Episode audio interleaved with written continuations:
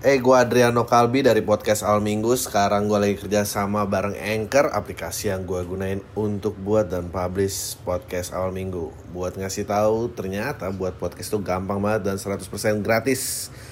Semua yang kita perluin untuk buat podcast juga ada di Anchor, termasuk distribusi ke Spotify dan platform podcast lainnya. Yuk, download aplikasi Anchor dan bikin podcast kamu segera. Halo semua lagi dengerin podcast Al Minggu bareng gue Adriano Kalbi dan gue masih nggak tahu kenapa gue masih melakukan podcast ini. Rasanya sebetulnya pengen berhenti sih gue. Lima tahun gini-gini aja mau jadi apa? gue tuh cuma ini masalahnya. Kalau berhenti segitu besarnya nggak ya gue eh, diminta balik kayak selebgram selebgram yang pengen istirahat posting. Kalau nggak udah bikin action action pamit ternyata nggak diminati nih. Dek, udah banyak ya eh, yang pamit ternyata balik lagi. Eh, oh Karin juga gitu. Jadi Corbusier kena badai sitokin. Um, gue cuma nggak ngerti. Ya, gue cuma nggak ngerti. Gue nggak ngerti sih. I don't, I don't mungkin gue dari kemarin membahas ini kayak um, gue nggak ngerti sih sebetulnya influencer tuh ngapain influencer in general ya uh, kalau lo buat satu kan kalau lo bi aktor kan lo acting gitu ada karyanya acting terus um, sutradara ada film gitu komedian ada joke gitu ya. Gue melihat podcast gue ya medium joke gue sebetulnya bukan. Tapi yang gue nggak paham tuh influencer. Influencer tuh apa gitu? Mempengaruhi itu influence dengan apa senjatanya opini ya. Opini semua orang mau juga punya opini. Apa yang menarik dari opini? Nggak ada. Nggak ada. Dan gue nggak ngerti apalagi opini seleb ya. Sekolah kagak kadang nggak bayar pajak opini lu dengerin lu tuh hidup di dunia yang berbeda gitu um, gue nggak paham kenapa lo pengen beropini sih. Gue punya opini tapi ini gue berusaha menjadikan ini joke tapi apa, apa karyanya gitu? Kok lebih menarik waktu dia bisa sulap sih daripada jadi influencer? Kayak sebetulnya influencer tuh kayak nabi gitu tapi kan nabi nggak nunjuk dirinya sendiri. Gue juga bang nggak nunjuk yang nunjuk verified Instagram ya.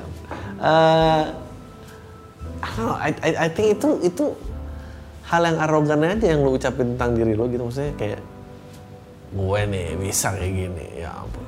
Um, ng ngapain gitu nggak ada yang dikerjain. And ngapain lu pengen berinteraksi sama orang banyak gitu? Gue juga nggak paham sih. Kayak itu kan capek gitu kayak gue gue nggak tahu ya. Semoga kalau gue sakit gue nggak minta sumbangan. Semoga kalau gue sakit orang-orang nggak tahu gue sakit. Well gue banyak lah berita tentang diri gue tapi gue nggak mau. Ngapa ngapain lu tahu? Nggak usah. Um, pamit datang lagi ya gue tahu sih lu hampir mati tapi juga ya. Gue juga berapa kali hampir mati emang nggak ada yang peduli aja jadi gue juga masa gue mau cerita gue hampir mati malu-maluin men malu-maluin. Gue nggak mau ngeliatin isi rumah gue gue nggak mau. Iya gue nggak mau gue sampah men. Ya nih nih nih nih nih. Lu mau lihat apa? Lu mau lihat apa? Berikutnya mau lihat itu rekening bank gue ntar lu tambah sedih lagi. Terus sedih sama hidup lu ngerasa nggak berharga. Sedih men. Lu nggak boleh ngeliat orang. Gue kemarin uh, gue ngobrol sama salah satu pencetusnya Happy Broken Family. Itu menurut gue menarik banget karena dia cerita ken kenapa orang-orangnya lebih depresi setelah orang tuanya berpisah. Karena dia terekspos banget sama wujud kebahagiaan. Anjing kebahagiaan tuh abstrak gitu. Lo dengerin ntar episode. Gue gue salah satu yang paling gue suka sih. Um, dan lo kayak I don't know full in your head gitu. Lo nggak mau. Gue gue tuh sengaja kayak ya nggak tahu sih gue kayak self proclaim tapi gue tuh pengen bikin acara yang ya yaudah yang nemenin lo lagi traveling, nemenin lo lagi commuting, uh, ya jalan biasa aja gitu. Uh, kalau ini play a significant role dalam hidup lo, bagus. Enggak juga, ya, ya udah gue berharap lo balik lagi. Tapi kalau gue bangun pagi dan berharap gimana caranya gue bisa menginfluence orang hari ini ya? Repot banget. Nggak mau gue nggak mau gue merasa uh, nabi aja kalau ngerasa gitu nyebelin loh. Semua nggak ada yang suka sama nabi seperti berita yang satu ini ya jangan ya Muhammad Kece namanya Muhammad Kece lakukan penistaan agama dan menghina nabi Polri bergerak. Bapaknya iseng banget ya namanya Muhammad Kece. Kamu nama anak kamu apa sih? Ya nggak tahu lah aku sih yang penting dia kece aja. Oh kalau aku yang penting religius. Gimana kalau Muhammad kece? Um, ya karena emang dari nama sendiri dia udah menghina Nabi ya ya Mabes Polri tengah menyelidiki dugaan penistaan agama dan menghina Nabi Muhammad yang dilakukan youtuber Muhammad Kece atau Kece. Iya iya dong. Muhammad Kece atau Kece masa jelek? Um, Menurut Kadif Humas Polri Irjen Argo Yuwono, penyidik Baris Krim Polri menyelidiki tindakan Muhammad Kece setelah menerima laporan dari masyarakat. Ya ampun. YouTuber Muhammad Kece melalui channelnya YouTube menyebutnya Muhammad bin Abdullah dikelilingi setan dan pendusta. Dia juga melontarkan pernyataan yang mengandung unsur penistaan agama. Kan tapi emang Muhammad banyak dikelilingi setan dan pendusta. Emang itu cerita hidupnya kan dia berusaha meyakinkan orang-orang agar tidak mendusta lagi. Pernyataan Muhammad Kece juga direspon oleh Kementerian Agama yang dinilai apa yang disampaikan adalah penista agama. Ya ampun, sampai ada Kementerian Agama dapat mengganggu kerukunan umat beragama. Ya, gue gak kebayang sih gue udah kerja keras, akhirnya gue kerja di Kementerian Agama, apalagi jadi pemimpin. hari ini saya kerjaannya pak itu ada youtuber pak ya ampun capek-capek belajar capek-capek sekolah harus menghukum youtuber. Sementara itu ulama karismatik Kabupaten Lebak KH Hasan Basri. Anjing. Karismatik tapi liganya cuma kabupaten ya. Kenapa dia? Dia ada juara ulama karismatik sekabupaten Lebak KH ini ya. Eh, Kabupaten Lebak Kiai Haji Hasan Basri. Ya ampun gue kira Lebak KH Kiai Haji Hasan Basri ini pemenang ulama karismatik yang diadakan sekabupaten waktu itu dia juara bertahannya tiga kali. Bang siapa yang nambahin karismatik? Dia mbak kalau mau nulis nama saya tambahin ulama karismatik ya bang mendesak polisi untuk menangkap youtuber Muhammad Kece. Muhammad Kece sih gue udah tau lah ceritanya SD sering dibully karena namanya Muhammad Kece. Dan dia nggak terima gitu karena nggak agamanya nggak nyelamat nyelamatin dia. Bet meskipun dia berdoa keras tiap malamnya. Tetap dibully. Apakah Tuhan itu tidak ada? Apakah semua ulama Lebak menyesalkan beredarkan Muhammad Kece? Lo, Kabupaten Lebak tuh di mana sih anjing? Melalui kanal YouTube yang menistakan agama Islam. Padahal sebelumnya padahal dia sebelumnya penganut Islam Oh dia pindah agama. Ya ampun. Gimana caranya lu pindah agama dengan nama Muhammad Kece? Agama mana yang mau Lo anjing Muhammad Kece itu kayak ini tuh gak? Uh, slogan caleg. kayak siapa gitu. Ibu Ruhmawati Kece ya. Kece dong. Dia menilai pernyataan Muhammad Kece masuki kategori anjing ini Muhammad Kece pindah agama mana? Kenapa dia nggak ganti agama? Apakah Kece itu nama setelah berganti agamanya? Apa emang? Boya, lo kalau pindah agama ganti apa nama lo? Yesus Kece.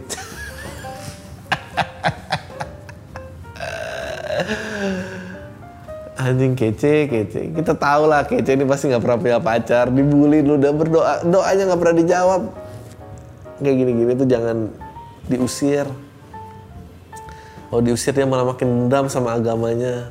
Terimalah dengan lapang dada. Ngoblok. Oke, okay, Lord Adi. Anjing sekarang banyak yang namanya Lord ya. Setelah gue. Um, coach itu di Brazil namanya Lord Bobby banget tak lolos grand final Masterchef Indonesia warganet kecewa Suhaidi Jamaan dikenal atau dikenal Lord Adi. Nah ini baru bener nama penulisan nih. Suhardi Jamaan atau dikenal Lord Adi. Ini Muhammad Kece atau Kece? Ya Kece. Uh, tak lolos grand final Masterchef Indonesia season 8. Lord Adi kali ini harus kalah dari Nadia dan Jesslyn. Saya terima kalahan saya saat ini. Saya telah berusaha yang terbaik. Ya mau gimana lagi pertandingan nggak mungkin menang terus ucap Lord Adi dalam tayangan Masterchef Indonesia. Lord Adi pun kembali memuncaki trending Twitter minggu malam. Semoga sejumlah warganet tak menyangka Lord Adi yang harus tereliminasi. Meski kalah, Lord Adi menjadi konsisten yang mencuri perhatian Masterchef season 8 sejak awal. Anjing udah 8 tahun nih. Sebelum tergabung MCI, Adi mengaku seorang petani cabai di tanah datar Sumatera Barat. Ia juga lama tinggal di Malaysia hingga akhirnya kembali ke Indonesia karena menikah dengan wanita berdarah Minang. Um, katanya ada yang memakai sentimen uh, tidak terima Melayu. Maunya yang eh, ras etnis Tionghoa yang diloloskan. Tapi yang gue heran adalah kalau final itu adalah Nadia lawan Jesslyn uh, bagaimana nasib SJW SJW yang memperjuangkan wanita does not only belong in the kitchen? Kalau final perempuan lawan perempuan ini hanya membuktikan bahwa ya they belong in the kitchen anjing ada Andrew Schultz bagus banget joknya dia bilang. Gue tahu salah eh, nggak uh, boleh ada diskriminasi mestinya manusia itu diterima uh, sama rata. Tapi kenapa negara-negara yang demokrasi yang uh, diskriminatif terhadap perempuan masakannya enak-enak? Anjing bagus banget joknya bagus banget brilian. Bener juga ya dia bilang lu pernah nyoba itu Canadian bacon? Nggak enak. Nggak enak banget karena Kanada tuh wanitanya perempuannya setara sama lelaki. Pokoknya semakin dia dipojokin di dapur makanannya semakin enak. Masakan India enak kan? Timur Tengah enak. Mana lagi yang enak? Enak men. Semakin orang Italia gitu. flipping the table. You call this pasta gitu. Enak. Anjing itu brilian banget tuh joke itu joke itu tuh ofensif tapi juga benar dia bilang e, apaan tuh? E,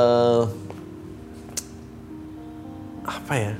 Lu pernah dengar namanya equality cuisine? Eh namanya nggak enak anjing equality cuisine. bacon dari Kanada nggak enak anjing lucu banget. That's that's a good joke man I'm not, dia bilang gua nggak bilang nggak boleh ada uh, apa namanya?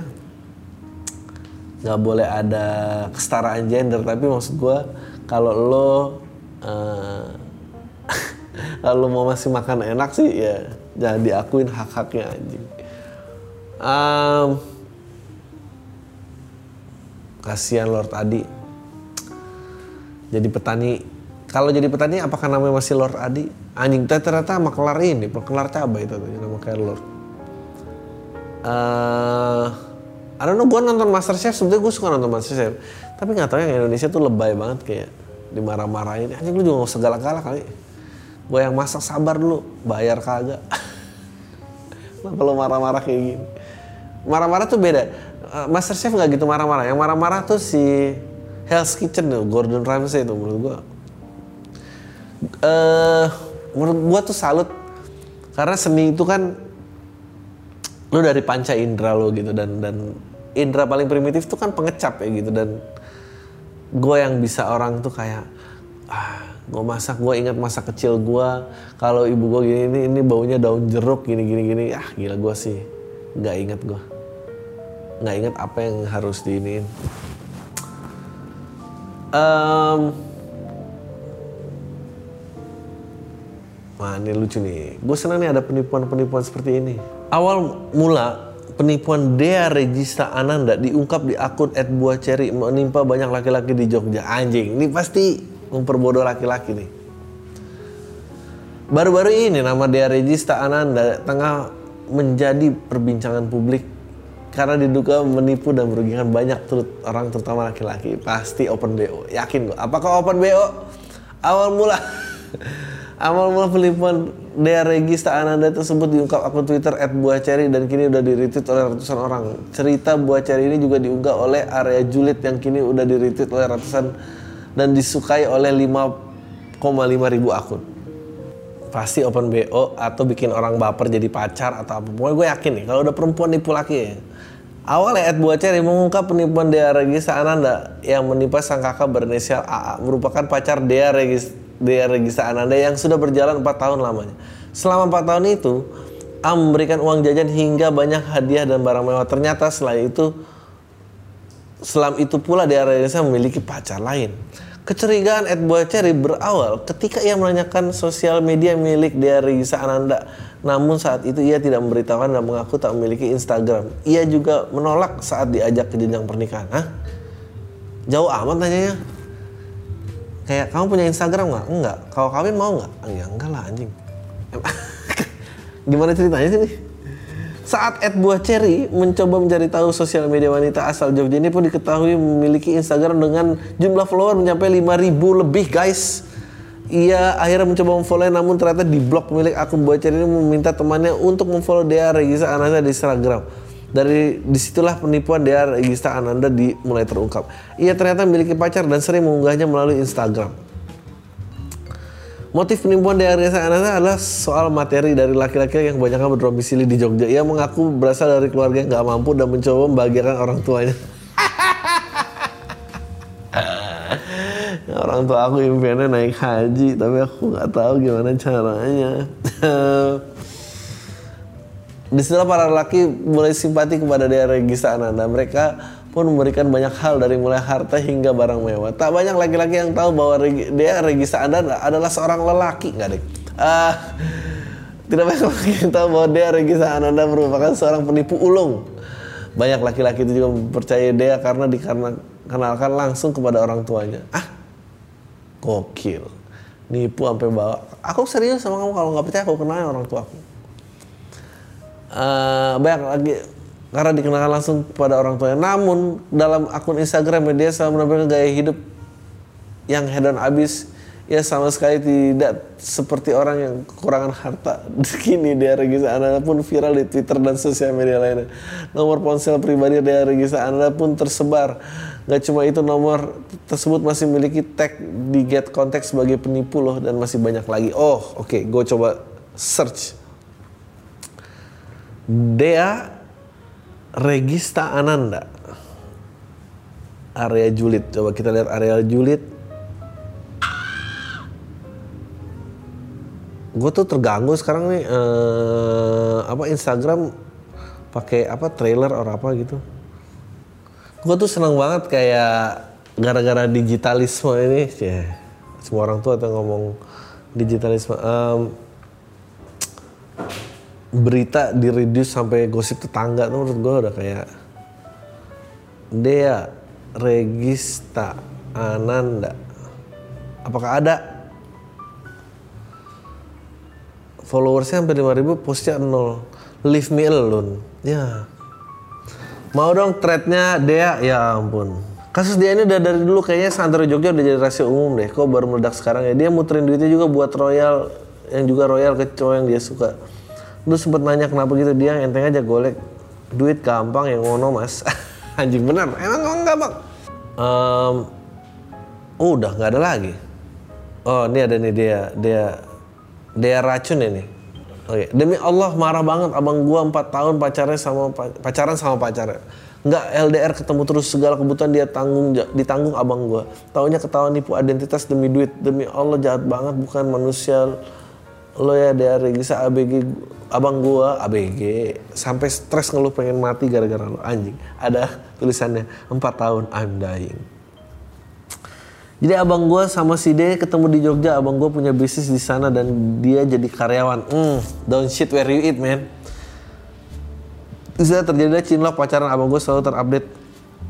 Tiap bareng D ya ampun udah enak banget nih makan bosnya entah itu lagi liburan makan-makan belanja jujur emang si Denny cakep banget gue juga suka liatnya ya ampun biar singkat sebut aja abang gue ini si Ayah A ini orangnya loyal dan royal mau ke teman mau ke pacar apalagi sama keluarga nggak pernah hitung-hitungan dengan A ada pacar dan gue statusnya pak perempuannya dia. Jadi kadang si A cerita ke gue tentang betapa bangganya dia sama pacarnya ini. Gue sebagai adik perempuan yang excited punya kakak ipar pasti kepo dong. Mau tahu orangnya gimana. Pengen mutualan di IG sama dia. Tapi pas gue tanya ke A, katanya si D dari dulu nggak main IG, nggak suka main IG dan nggak punya akun IG. Mencurigakan. Eh, katanya si A, si D cuma aktif di tweet dan A nggak follow tweet Twitter karena nggak main Twitter. A suruh gue follow account Twitter D, gue follow lah akunnya dia ternyata digembok beberapa kali kemudian ternyata request gue di decline. Ya mungkin privacy juga kali ya. Akun sambat malas di follow orang luar gue jadi maku. Oke. Tapi naluri perempuan pasti pengen nyari tahu sendiri. Dulu kan sebelum gue percaya belum puas jadi gue carilah si D ini dari, dari nama lengkap sampai unnamed tweet nggak ketemu gue cari pakai second account IG juga gue nggak ketemu in case kalau first account gue di blok dia anjing karena nggak ketemu ya gue otomatis gue percaya dong kata abang gue masuk akal juga sih karena yang gue tahu emang banyak user tweet yang main tweet aja nggak main IG karena beda vibe jadi kepoan ini pun hilang walaupun gitu gue berhubungan baik sama si Dek lebaran chat chat maaf kadang nanya kabar, ulang tahun saling ngasih kado. Abang gue juga tiap ngasih gue kado selalu kembaran sama si D. Biar berasa deket katanya dari tas perhiasan sampai Polaroid juga kembaran. Yang gue tahu si D selalu dapat jajan dari A karena pernah ke chat A ke yang D masih ada uang simpenan nggak?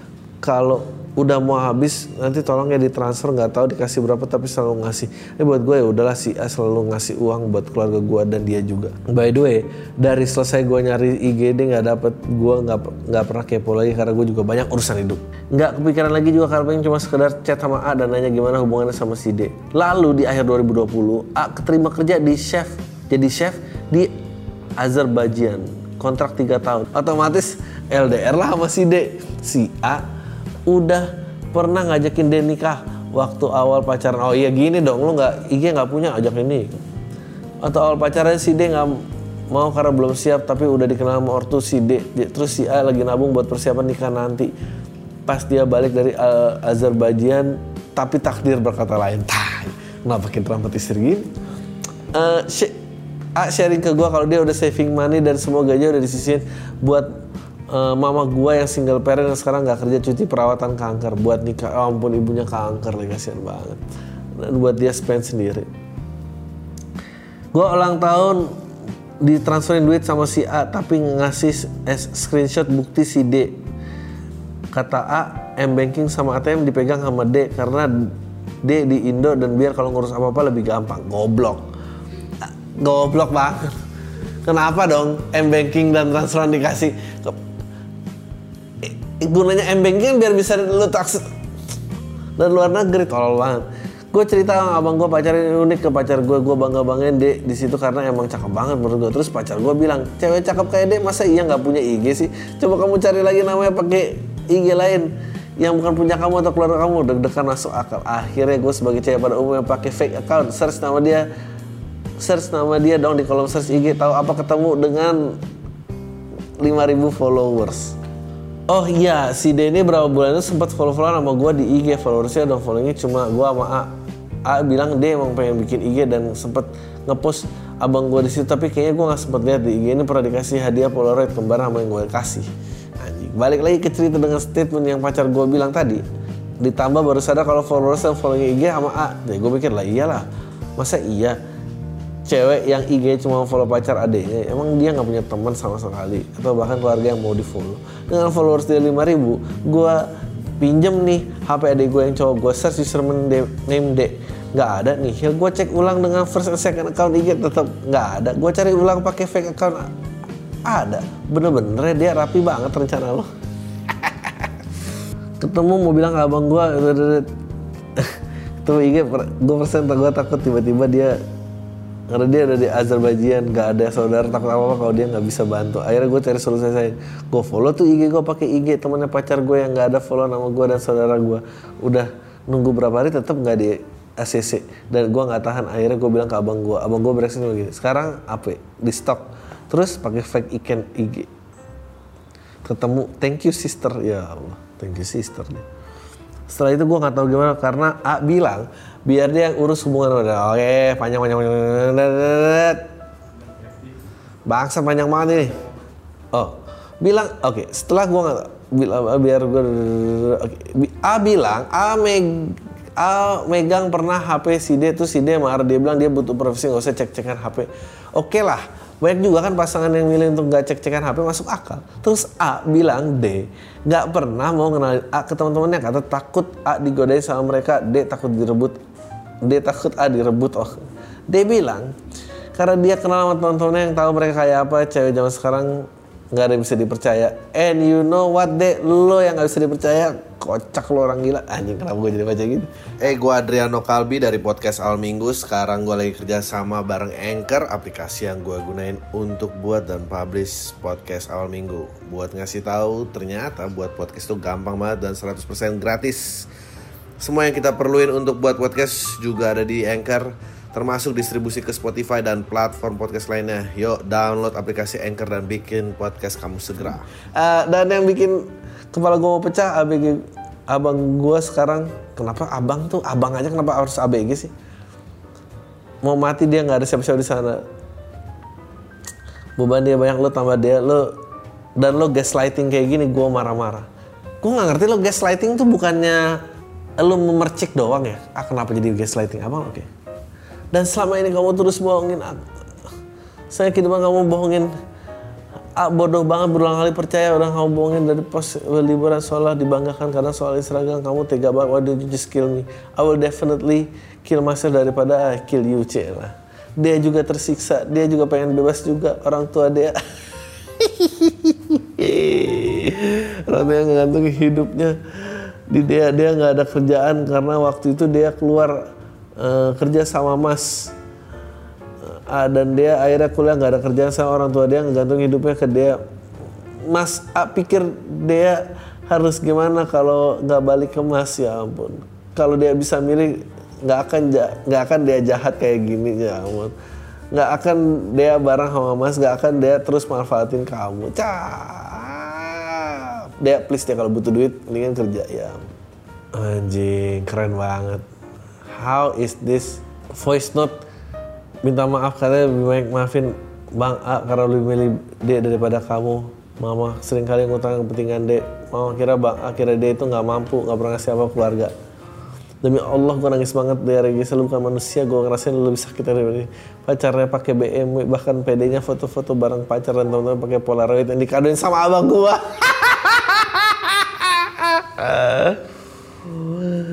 By the way, first and second account gue di blok sama ini anjing keren lo dia. Kita bisa dapet dia nggak sih jadi tamu pam? Gue pengen banget nih. eh, He is my happy my my muse. War-war emang gercep pengen marah. Dapat nggak maksud Bang A dari chat? Emang kawan-kawan D nggak tahu kalau Bang A pacaran sama dia? Ya itu poinnya dari dulu. Gokil, gokil, gokil, gokil. Tapi fitsnya sama konten kehedonannya konten bucin dan cowok tajir lainnya. Ya ampun, I really appreciate orang yang mau go extra mile buat aku walaupun kewajibannya hal kecil harus jemput nganter aku pulang padahal nggak harus. Ya ampun banyak banget ini yang ngasih pacar-pacarnya banyak yang ngajakin nikah ya ampun screenshot screenshot semua parah banget ini. Anjing anjing anjing anjing the best. The best the best the best. Dia gua harap lo bisa ketemu lagi dan mulai nipu-nipuin orang lagi. menurut gue sih lo nggak nipu ya menurut gue. Ya buah ceri, buah ceri. Semoga abang lo cepat pulih. Selesai. Nge-tweet tentang abang gue pas lagi emosi pasti baca kasihan juga karena harus karena respon netizen di luar ekspektasi gue. Ini gimana identitas D kesebar gue nggak tega tolong di take down ya ampun. Gila-gila nggak take down juga. Bang Abu nggak pernah ngerasa didukung kayak gitu. Bang Abu nangis baca satu bulan semua ditanggung Bang Abu mohon-mohon ke siapa aja.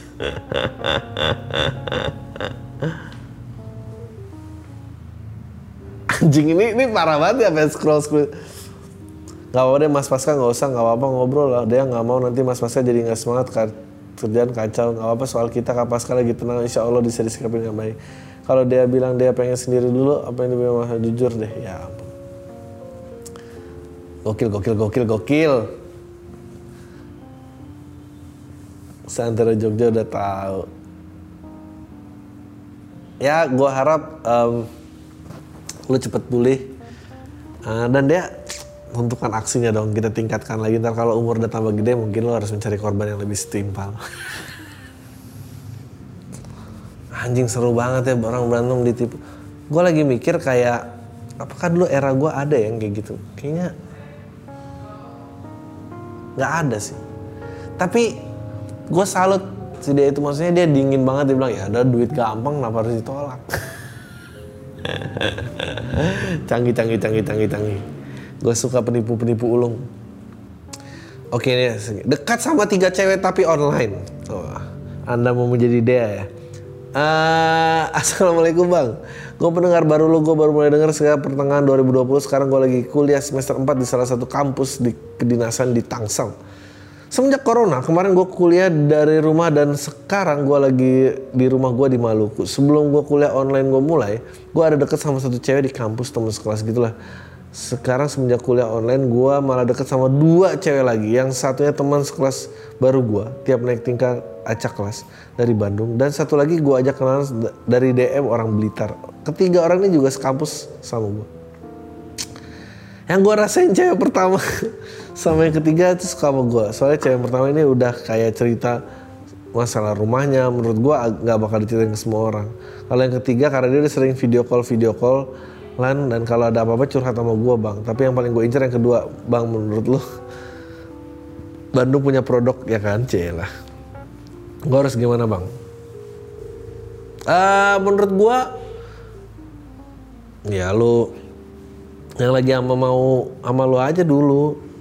Dan nanti baru switch kalau yang Bandungnya mau. Uh, masa nggak mau sih? Ya udah itu aja sih. Pertanyaan mengenai passion versus kesempatan dari orang yang passionless Halo bang, gue pengen nanya beberapa hal. Gue adalah orang yang passionless, gak pernah benar-benar tahu apa yang gue mau. Dan karena dijadikan ortu dan gue selalu nurut atas apa yang mereka bilang. Sekarang ketika mereka udah gak punya kontrol atas hidup gue, gue banyak menyesal kenapa terlalu nurut. Sehingga gue berakhir di posisi yang sangat bikin clueless. Graduation speech, tim Mincin itu yang lu share sedikit memberi titik terang yang buat orang kayak gue. Be micro ambitious selagi benar. kesempatan yang ada buat orang kayak gue clear clear banget sangat mudah diterapkan. Tapi gue jadi mikir kalau semua orang ikutin kesempatan aja terus apa gue rasa banyak yang luar biasa di dunia ini nggak terwujud. Let's say music teknologi entertainment sport etc. Ya, tapi kan lo bukan inventor lo cuma pengen nyari survive. Dan kita nggak bakal lihat lagi karya yang luar biasa dan sebagai hasilnya lalalala dan misalnya gue orang tertarik sama martial art dan pengen jadi atlet MMA kemudian dia harus memilih kerja biasa sebagai security dengan gaji sedikit pasti tapi pasti atau kejar passion pilih yang mana dia pilih? Do both. Banyak banget kok yang tadi security dan petinju banyak banget. Banyak banget men. The problem is kadang orang pengen nunggu aja sampai yang dia mau doang dan dia nggak mau ngerjain yang lain itu sih. Terus di kasus lu, lu sempat ngomong salah satu yang bikin nyesal adalah bekerja berdasarkan passion bukannya sekarang lu udah kerja berdasarkan passion udah capek nulis berdasarkan orderan jadi pengen nulis sendiri isn't that a passion? No gue bisa kerja yang lain gue punya ilmu yang lain gue butuh belajar ilmu yang lain sebetulnya. Gue dulu ngeremehin akuntansi sekarang gue pengen banget belajar akuntansi. Gue penasaran saya where's the line? Banyak juga orang yang susah karena dia ngikutin passion mau dibilang jangan terlalu terpatok sama passion. Some people actually become the best that way Enggak, menurut gue. Menurut gue some people, menurut gue most of people itu gagal karena ngoyo sama passion. Gue percaya kalau gue dengan kesempatan I could be more than this. Um, atau atau gue could start younger. Um, ya gue menurut gue banyak banget orang yang menyanyiakan potensi dirinya dan kayak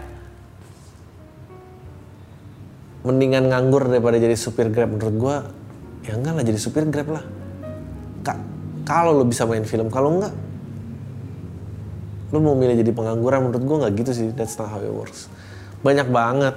Artinya lo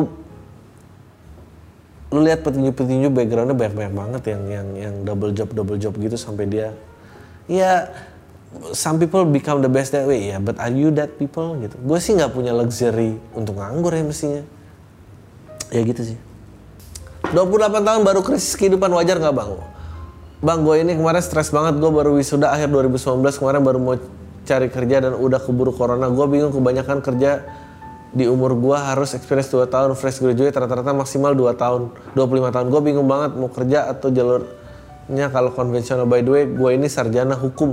Sempet kepikiran apa jadi pengacara aja ya. Sedangkan gue tuh kuliah jurusan kebanyakan hak. Hukum hak cipta dan cyber law. Di Indo pengacara kebanyakan kasus pidana sama perdata jarang banget ada spesialisasi gue bang. Gue ngerasa kagak bisa apa-apa bang. Jadinya di society ini sebenarnya passion gue di band. gue punya band sama temen gue cuma gara-gara corona bajingan susah banget nyari panggung. Gue sempet stres banget. Wajar gak sih bang? Umur segini gue baru stres. Kayaknya temen gue stres umur ini 24 gue baru sekarang makasih ya. by the way TEDx lu keren. Ya I know Makasih bang podcastnya nyelamatin pengangguran kayak gue nggak jadi teroris. Um, gua sih jujur aja um, baru mau mulai stand up umur gue 28 ya. So I was di kebingungan itu juga sih. Um, ya kalau nggak pengacara apa gitu yang lain yang bisa lo lakuin? Masa lo cuma bisa ngelakuin itu doang. Banyak dong nyupir grab bisa dong beternak bisa dong. Menurut gua limitasinya karena lo ya terjaga di sosial dan sosial dan ekonomi status lo sih jadi lo nggak bisa ke mana-mana. Oke. Okay. salam hormat. Pendengar pertama saya berterima kasih Uh, setelah setia produksi PAM tanpa pamrih di tahun 2015 awal mendengar PAM 2016 langsung kepincut dengan topiknya langsung mengenai PAM selalu setia menemani selama dalam perjalanan ke kantor maupun di waktu luang saya dapat dapat dapat saya banyak mendapat ide dari Bang Adri tentang hidup ini walaupun sebenarnya idenya tidak semua benar anjing Seiring berjalan waktu saya sempat berhenti mendengarkan PAM dikarenakan saya sudah punya keluarga kecil yang harus diperhatikan. Mantap. Mantap dong, gitu gue suka. Jadi waktu luang semakin sedikit. Akan tetapi pada waktu perjalanan ke kantor iseng membuka pam dengan topik-topik yang ada bintang tamunya. Karena di awal dirasa kalau ada bintang tamu topiknya kurang jelas, kurang not safe for work. Lalu semenjak mendengar pam dengan bintang tamu Gading Market saya merasa wah ternyata pam dengan bintang tamu ternyata menarik juga ya. Sejak itu saya putar episode lawas pam yang ada bintang tamu ternyata mostly asik. Sampai saat ini saya suka update podcast kalau ada update pam. Oh ya barusan saya mendengarkan TEDx ITS yang dua minggu lalu dirilis di YouTube. Saya merasa isi TEDx-nya Adri seperti yang disummary dari PAM ya. Hey, empat poin itu disummary dan saya catat semua. Siapa tahu bisa digunakan dalam tugas penyusunan tugas akhir karena dirasa empat poin tersebut merupakan intisari dari perkuliahan. Anyway, terima kasih PAM dan TEDx sukses. Ya oke, okay. ngapain gue baca pujian-pujian gini? Nggak seru. Apalagi ya? Pacar minta dikenalin ke ortu Halo bang, jangan sebut nama ya bang. Gini bang, gue mau tanya. Jadi gue udah pacaran selama 4 tahunan, ortu pacar dan keluarga udah tahu kalau gue sama dia pacaran. Si pacar minta dikenalin dia ke nyokap gue, tapi gue masih kuliah semester 4. Menurut gue ngenalin pacaran di sosial gini susah. Apalagi nyokap gue tuh pernah bilang pacaran jangan dulu fokus kuliah. Tapi pacaran tapi pacar minta mulu ngancem putus. Ini gue harus bilang aja pandemi. Aja gitu. Pandemi, ntar ibu aku sakit kamu tanggung jawab. Uh, ya empat tahun sih harus lo kenalin sih. Kalau enggak ya lo rela putus udah nggak ada pilihan lain itu. Lo mau ngelak apa empat tahun mau udah habis men. Tapi kalau lo mencari cara untuk putus inilah saatnya. Inilah saatnya. Ya udah kalau kamu putus putusin aja. Bang, gua habis nonton konten lo yang ke Kue Entertainment bareng Coki dan Karin pas awal-awal awkward. Karin manggil Adrian dan dia salah nyebut acara podcast malam minggu. Ditambah cringe banget temennya Karin yang nggak tahu kalian eh berdua berusaha ngejok receh bikin gimmick ke Coki. Eh jangan pengen-pengen dong beberapa kali muka Coki terlihat tidak nyaman dalam hati mau berkata kayaknya bukan tempat gue di sini. Tapi pas sudah ngobrol panjang lebar dan kelihatan kalian pintar dan berwawasan di mata dua cewek temannya Karin langsung deh mereka kelihatan respect dan kagum sama lu bang. Mantap aja oke apa yang nggak pujian? Mm, mm, mm, mm, mm, mm. mencoba savage ke penjual pecel lele bangsa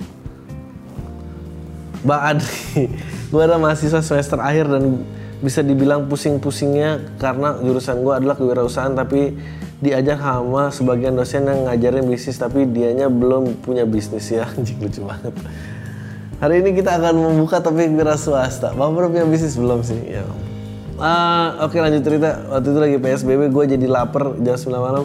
Di mana jam segitu udah nggak udah susah cari makan. Akhirnya gue dapet lah warung di pecel lele. Warung pecel lele dengan mentaati protokol gue datang ke pakai masker lalu memesan kepada abang penjual. Kondisi di warung pecel lele itu yang biasanya ramai tapi entah kenapa sepi dan timbullah komunikasi gue dan abang seperti ini. Abang penjual, A abang penjual, B gue. Mas, pakai masker gitu emang buat apa ya mas? Protokol mas? Oh iya buat kesehatan ya mas? Iya bang, betul. Oh kalau buat kesehatan berarti nggak usah olahraga ya mas, pakai masker aja cukup. Dan senang gue ketika abang mulai beli kayak gitu. Dalam pikirannya gue bilang anjing gue beli makan tempat orang nggak percaya covid. Oh iya iya bang. Dari situ gue sebenarnya males balas model gitu ke abang yang bicara tapi gue cuma bisa bikin skenario pembahasan dan dari hati abang karena takut makanan gue diapain ini skenario mencoba service ke abang ya. skenario satu anjing ini ada opsinya bang iya bang kalau boleh tahu abang jualan gini motivasinya apa bang? Karena butuh uang atau passion bang? Karena uang oh ya kalau uang pantas rasanya kurang enak bang. Ajarin ajarin saya bikin usaha yang rasanya nggak enak tapi tetap survive dong bang. Ya ampun skenario dua.